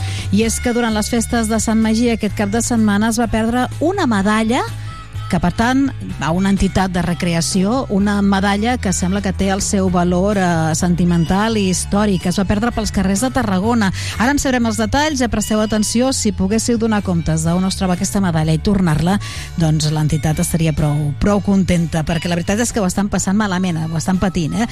Són a l'entitat Tarragona 1800 i el Paco Tobar n'és un dels seus responsables. Paco, bon dia. Hola, bon dia. Què us va passar? Tarragona 1800, explica. Bueno, que una de les medalles de recreació que portem, que és la del setge de Girona, doncs, eh, en fi, la va, es va posar, la van fer tot el seguici, i després, doncs, tornant a casa, en algun lloc mm, concret entre la plaça del Fòrum i carrer Sant Francesc, doncs es va perdre. No devia acabar d'estar ben enganxada o el que sigui, i va caure. I, clar, a veure, fins al del seguici, després la portàvem. Que això ha sigut una pèrdua a posteriori. Vale. I clar, doncs fa, sap greu perquè és un element històric que si hi ha més enllà del que, de que forma part, diguem-ne, de l'uniforme i que ajuda a acabar d'explicar les històries, no? doncs és un element des la còpia de la creu de distinció de, del setge de Girona, clar, no és l'original, que es la van fer el 1809, perquè originals en queden dos o tres i deuen estar alguna en col·lecció particular i altres en algun museu però eh, és una còpia que van fer exacta al cap d'un segle, el 1909. O sigui, és una, igualment és una peça antiga. I, clar, fa, fa ràbia perquè, a part del valor eh, intrínsec de l'element en si, doncs és el valor sentimental, no? el carinyo Mhm. que tenim a la peça. Es va, es va perdre, ho dic per donar més, senya, més senyals, eh, el diumenge, diumenge, Sí, el dia, di- no, el dia di- el 19, que era dissabte, dissabte. Eh, després de la professor, ens van fer... Sobre quina hora, diries? I sobre Pues quina hora? No, no, ho, no ho sabria dir, però Vespre. entre quarts de 10 i quarts d'11 o les 11. A la nit. Més o menys a la nit, Clar, sí. clar. Des de la, eh, des de la plaça del Fòrum fins al carrer Sant perquè A la Francesc. plaça del Fòrum estava posada. Val. A més a més, se- se'n va parlar de la medalla i la van mirar i aquestes coses. Ostres. I el... I, bueno, doncs no, de, no devia estar prou ben lligada, allò del tancat, i, bueno, pues, en algun pas o el que sigui es va saltar, va perdre, i, bueno, pues, si algú la troba perquè se li ha donat una patada sense voler, van a patar amb un, amb un arbre o amb un racó, doncs eh, seria, seria molt d'agrair. Ah, quan, quan vau veure que faltava, ja suposo que vau pentinar la zona, no? Devíeu ja ràpidament anar cap allà. Vam tirar, vam tirar enrere, eh, tot i que ja era tard a la nit, però eh, a més a més pel mateix camí que havíem passat, o sigui, no per, no per la vorera, sinó pel mig del pas de la font, no pel lateral, etc. Clar. I, bueno, clar, a veure, si, si fos a aquelles hores d'un dia normal, doncs un soroll metàl·lic que hi ha a terra, doncs se sent. Però, clar, estava tot a Tarragona al carrer. Clar. I, i el, el soroll que fa allò quan cau és ridícul. Com, com, com és físicament, tot i que ja heu fet la crida per xarxes i per tant ja hi ha la fotografia corrent per tot arreu, però físicament com seria? Deu fer mig pomet dalt, amb una cinta de tela, de colors, amb el, eh, que és on va lligada, eh, és d'un color així com de bronze, bueno, de fet és de bronze, eh? és un color de bronze d'un mate, eh, té, té, té forma d'estrella de diverses puntes, amb una corona damunt, i eh, en un costat hi ha un, al mig hi ha el relleu del patró de Girona vestit de bisbe, de Sant Narcís, i a darrere hi posa Serio de Gerona, 1900, centenario de Serio de Gerona, així en castellà, 1909, al- en un medallonet, medallonet central. Molt bé. Eh, a veure, és bastant vistosa perquè el, el color bronze, així de bronze metàl·lic daurat i el, i el color de la, de la cinta no? que on se repenja, que és de color morat i vermell i, i, i, i, i groc, i es, i es veu. Però, bueno, clar, no és gaire gran, ja dic, deu fer doncs, mig pomet, com a molt, o sigui, que serien dos dits posats en vertical. Mhm. Vull dir que... Que heu, ho heu, ho heu fet córrer per xarxes, eh, heu donat... Per les xarxes... I... Heu donat parte també a, als Sí, estaments municipals, més que res pels sí. serveis de neteja. Sí, i, i a més a més, ironies de la vida, com que tot se sap, vull dir, fins i tot l'alcalde l'altre dia em va aturar i em va preguntar si no havíem trobat, vull dir que eh, s'ha de saber tot a Tarragona que hem perdut una, una medalla i, bueno, doncs, en fi, s'agraeix les molèsties de qui se les, està, se les està prenent i agrairem moltíssim si tenim sort i es troba. Mm. Però, bueno, clar, hem de ser optimistes, però tam també hem de ser realistes. Mm. Escolta, com va fer cap a la, la vostra entitat aquesta medalla? És una peça d'antiquari, es va comprar. Val, val, val, val. Sí, sí, es va comprar en un antiquari, allò... Quan costa? Tant. Pues, Mhm. I es paga. I formava part de, la, de bueno, doncs, aquelles coses de tretzo que portem doncs, per acabar de d'om- d'omplir, diguem-ne, el personatge, no? Passa que com passa amb els grups de recreació històrica que voleu ser rigorosos, doncs eh, és això, no és una reproducció de, de plàstic, sinó que és una original no, del 1900. A veure, sí, sí, vull dir, a veure, no em fa ràbia perquè dius, mira, és, mm, ho hem fet un mollo, xec, doncs n'encarreguem un altre amb alguna empresa que ho fa i arreando. Però, clar, és una peça original. I això és el que fa, fa... Si ja no estan els diners que costa, que, mira, escolta, és igual, eh, sinó el fet de que és perdut una peça que és antiga. Mm. Eh, això és el que fa ràbia. A més, nosaltres que amb aquestes coses de fa 150 200 anys doncs, som així tan... Sempre som curosos amb els nostres objectes, però amb aquesta encara, Mhm. encara més. I mira, doncs no, el tancament es devia fluixar i au. Bueno, esperem el miracle de Sant Magí, que les xarxes facin el seu, el seu recorregut i a veure què Si passa. Santa Tecla vol donar-hi un cop de mà, ja que mà Sí. en té molta, doncs eh, també serà, també serà agraït. agraït. Uh, Paco, no sé si teniu un pla d'actuació, si anireu, no sé, xequejant també els serveis de neteja, si... Um, no sé. Sí, però bueno, a veure, també això és que, és que literalment és buscar una agulla en un paller. Aleshores, Mhm. bueno, paciència, ànimo, i Santa Tecla i Sant Magí obrin més que nosaltres, ves. És que ens hem d'encomanar a, a, a les dits, eh, als sants patrons. Mm. Però bueno, s'agraeix, eh, en fi, dic, s'agraeix l'esforç i la molèstia, no? I, i, en fi, i moltes gràcies per l'entrevista. A Nora ens posem a disposició, si algú doncs, té notícies o la troba, que ens truqui i farem d'enllaç al 977 24 47 67 o que la porti aquí a les instal·lacions de l'Avinguda Roma. Tant de bo que, que acabi a, a bon port. Uh, Paco Tobar, doncs, escolta, ja explica'ns-ho, eh? sobretot si la trobeu ens ho dius. Sí, sí, si, Vinga, si apareix ho sabreu. Moltíssimes gràcies. una abraçada, Paco. Vinga, una Moltes abraçada. gràcies. Fins la propera. Adéu, adéu.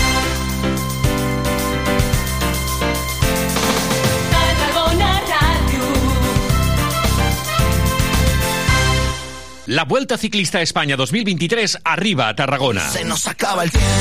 El 29 d'agost surt al carrer a animar els ciclistes i a gaudir de l'espectacle.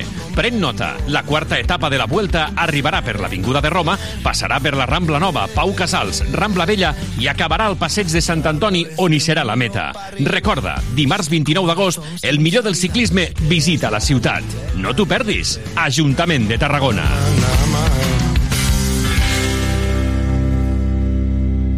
Moll de Costa, la Rambla de la Cultura a la vora del mar. Vine i passeja per l'eix de la cultura, del lleure i de l'esport al Port de Tarragona. Hi trobaràs museus, exposicions, teatre, activitats, espais per passejar i fer esport. Completa la teva visita amb un tas de la gastronomia marinera del Serrallo. Més informació a porttarragona.cat. Festa Major del Catllà. Arriba la festa major. Màgia, bicicletada popular, vermut musical, concert pels petits, teatre, cercavila, correfocs, concerts, ball, concurs de trencaclosques, tracturada, baixada de trastos. I com no pot ser d'altra manera, una de les millors diades castelleres, amb la colla jove Xiquets de Tarragona, la Vella de Valls i els castellers de Vilafranca. Ah, i aquest any, el divendres i dissabte nit, iniciem la prova pilot dels busos llançadora des de les urbanitzacions a la vila del Catllà. No hi pots faltar. Festa Major del Catllà. A Tarragona Ràdio som 40.000 oients. Anuncia't a la ràdio local líder en l'actualitat, entreteniment i informació tarragonina. Contacta amb nosaltres al 977 24 53 64 de 9 a 2 al migdia o escriu-nos a publicitat arroba emmt.cat perquè a Tarragona Ràdio t'escoltem.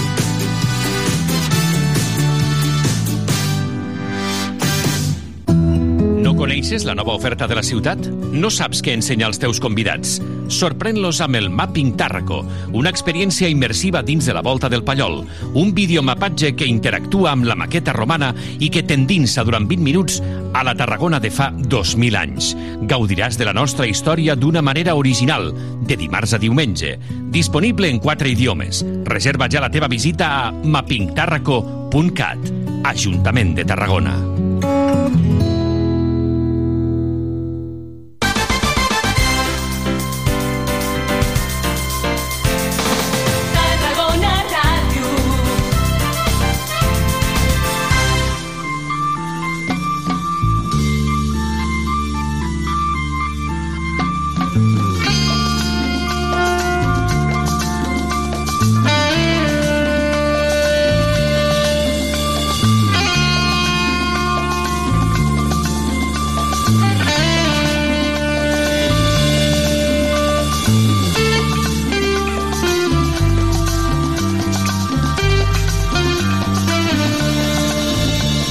va, que acabarem en ritme, eh? amb el Black Magic Woman de, de Santana, una, una cançó brutal, eh? a més a més per, per anar doncs, encara en aquests dies d'estiu de, del mes d'agost. Si trobeu la, la creu, per cert, eh, això, eh? podeu trucar al directe de, de la ràdio i els hi farem arribar les milícies. Eh? I també, eh, per cert, que ahir vam trobar una clau de seguretat aquí a l'Avinguda Roma, la tenim també objectes perduts aquí a la ràdio, per tant, si heu perdut una clau de seguretat a la porta de casa aquí a l'Avinguda Roma, més o menys a l'altura dels jutjats, la tenim aquí a la ràdio. Eh? Per tant, si l'amo està sentint la ràdio ara mateix, doncs que ho sapigueu. Aquí també objectes perduts de, de la ràdio. Tenim això només, eh? no tenim gran cosa més. Santana, vinga, amb tots vosaltres. Got a black magic woman. I've got a black magic woman. Got me so blind I can't see. She's a black magic woman. She's trying to make a devil out of me. Don't turn your back on me, baby. Don't turn your back on me, baby. Yes, don't turn your back on me, baby. Stop messing with your tricks. Don't turn your back on me, baby. You just might pick up my life.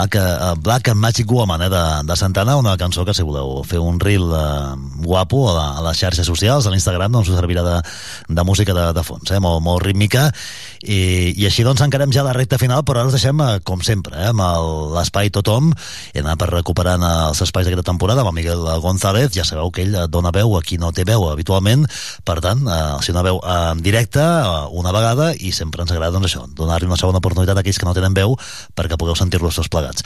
Avui parlant de malalties minoritàries, eh, el company Miguel González amb els convidats, el Tothom, el que ve a continuació, Tothom amb Miguel González. Tothom, amb Miguel González.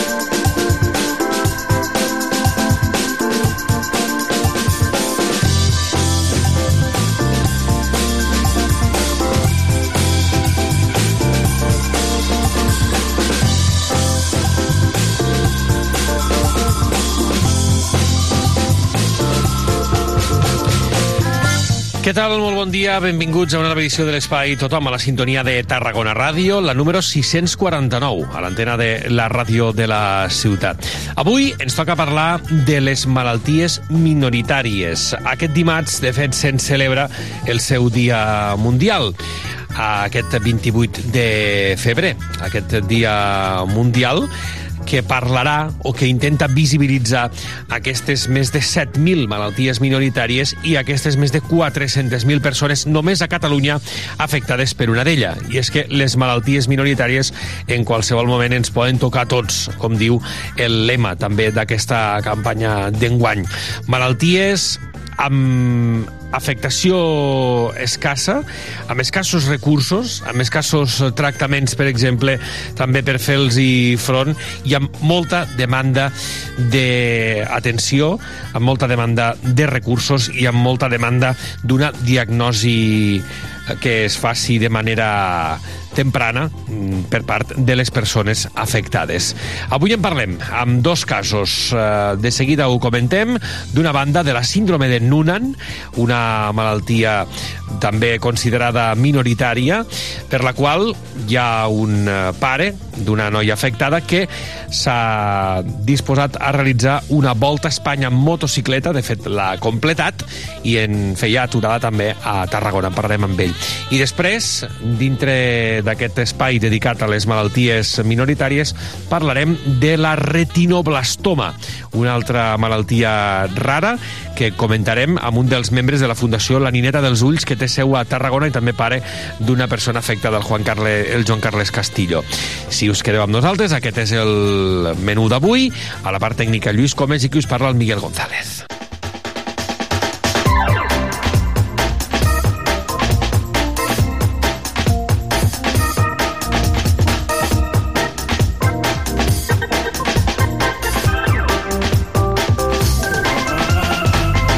Pues conoceremos hoy el proyecto Rodando con eh, Nunan y también a Javier Gómez, el cántabro que ha creado este proyecto solidario para hacer visible la síndrome de Nunan, una enfermedad rara que afecta, entre otros, eh, a su hija de tres años. Javier, muy buenos días y muchísimas gracias por atendernos. Eh, Muy buenos días y gracias a vosotros por, por un espacio en vuestro programa. De hecho, te hemos descubierto, en cierto modo, porque una de las paradas, ahora lo explicaremos, de esa ruta, de esa vuelta a España en moto, para visibilizar precisamente la enfermedad, la has hecho en, en Tarragona. Llegaremos ahí, pero cuéntanos un poco cómo, cómo surge todo. Eh, me imagino que a raíz de- de- del diagnóstico o de que os enteráis pues que, eh, que vuestra hija está ah, afectada de esa, de esa síndrome, ¿no? Un diagnóstico que me imagino, Javier, que en un inicio no es fácil porque el primer escollo que, que cuesta o que hay en las malaltías raras es precisamente ese, el diagnóstico, detectarlas y, poner, y ponerles un nombre, ¿no? Bueno, en, en este caso es una enfermedad conocida hace muchos años, porque la primera vez que se diagnosticó fue en 1963. Entonces es una enfermedad conocida, lo que pasa es que no, no tiene cura. Es una enfermedad genética y en principio es una enfermedad hereditaria. Entonces, claro, cuando te cuentan todo eso un médico, cuando tu, tu cría tiene 13 meses, o bueno, o, o la primera vez que le vieron unos rasgos físicos característicos de la enfermedad con nueve meses, pues es un palo, porque no sabes cómo atender a, a la niña, qué es lo que va a pasar, todo son incertidumbres, todo son preguntas y, y no hay ninguna respuesta para todo eso. Es curioso, Javier, que sea una enfermedad conocida como tú dices, pero que con